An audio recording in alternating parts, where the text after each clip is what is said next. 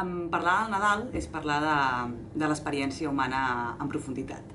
Al final, Nadal, la paraula Nadal ens ve a dir naixement, i per tant naixement és una cosa que compartim tots, tots els humans i per això ens podem sentir identificats amb un esdeveniment únic, però que també és compartit amb tothom.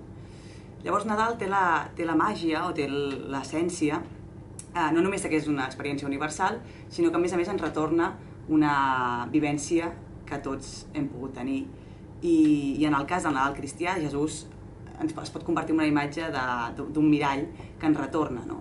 una, un reflex del que, del que tothom és al final en, en el fons. No?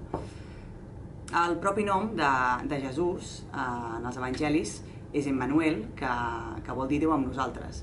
I per tant això ja ens dona també una pista de, de quin missatge es vol transmetre a través de, de l'espiritualitat cristiana, que és que Déu no el podem eh, posar en un lloc, en un pedestal o un lloc allunyat, sinó que és una cosa íntima i profunda de, de cadascú i per tant l'hem d'intentar descobrir amb el nostre dia a dia i amb, amb la quotidianitat no? i amb la relació amb els altres.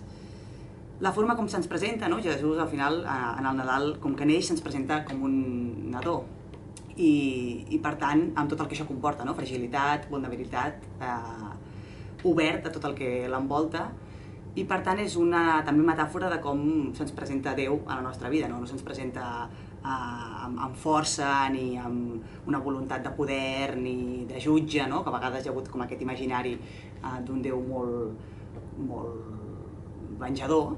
En canvi, jo crec que és molt bonica la imatge de, del pessebre precisament perquè, perquè, perquè és un nadó, no? i per tant es perd tota aquesta força o, o voluntat de poder que en un principi a se li havia pogut donar. Per tant, entendre, jo crec que el Nadal com a, d'una banda, un fet eh, compartit en la humanitat, d'una cosa que també té a veure amb nosaltres en quant a persones que, que existim i per tant que ens retorna una pregunta essencial de qui som i, i com volem que la nostra vida es desenvolupi.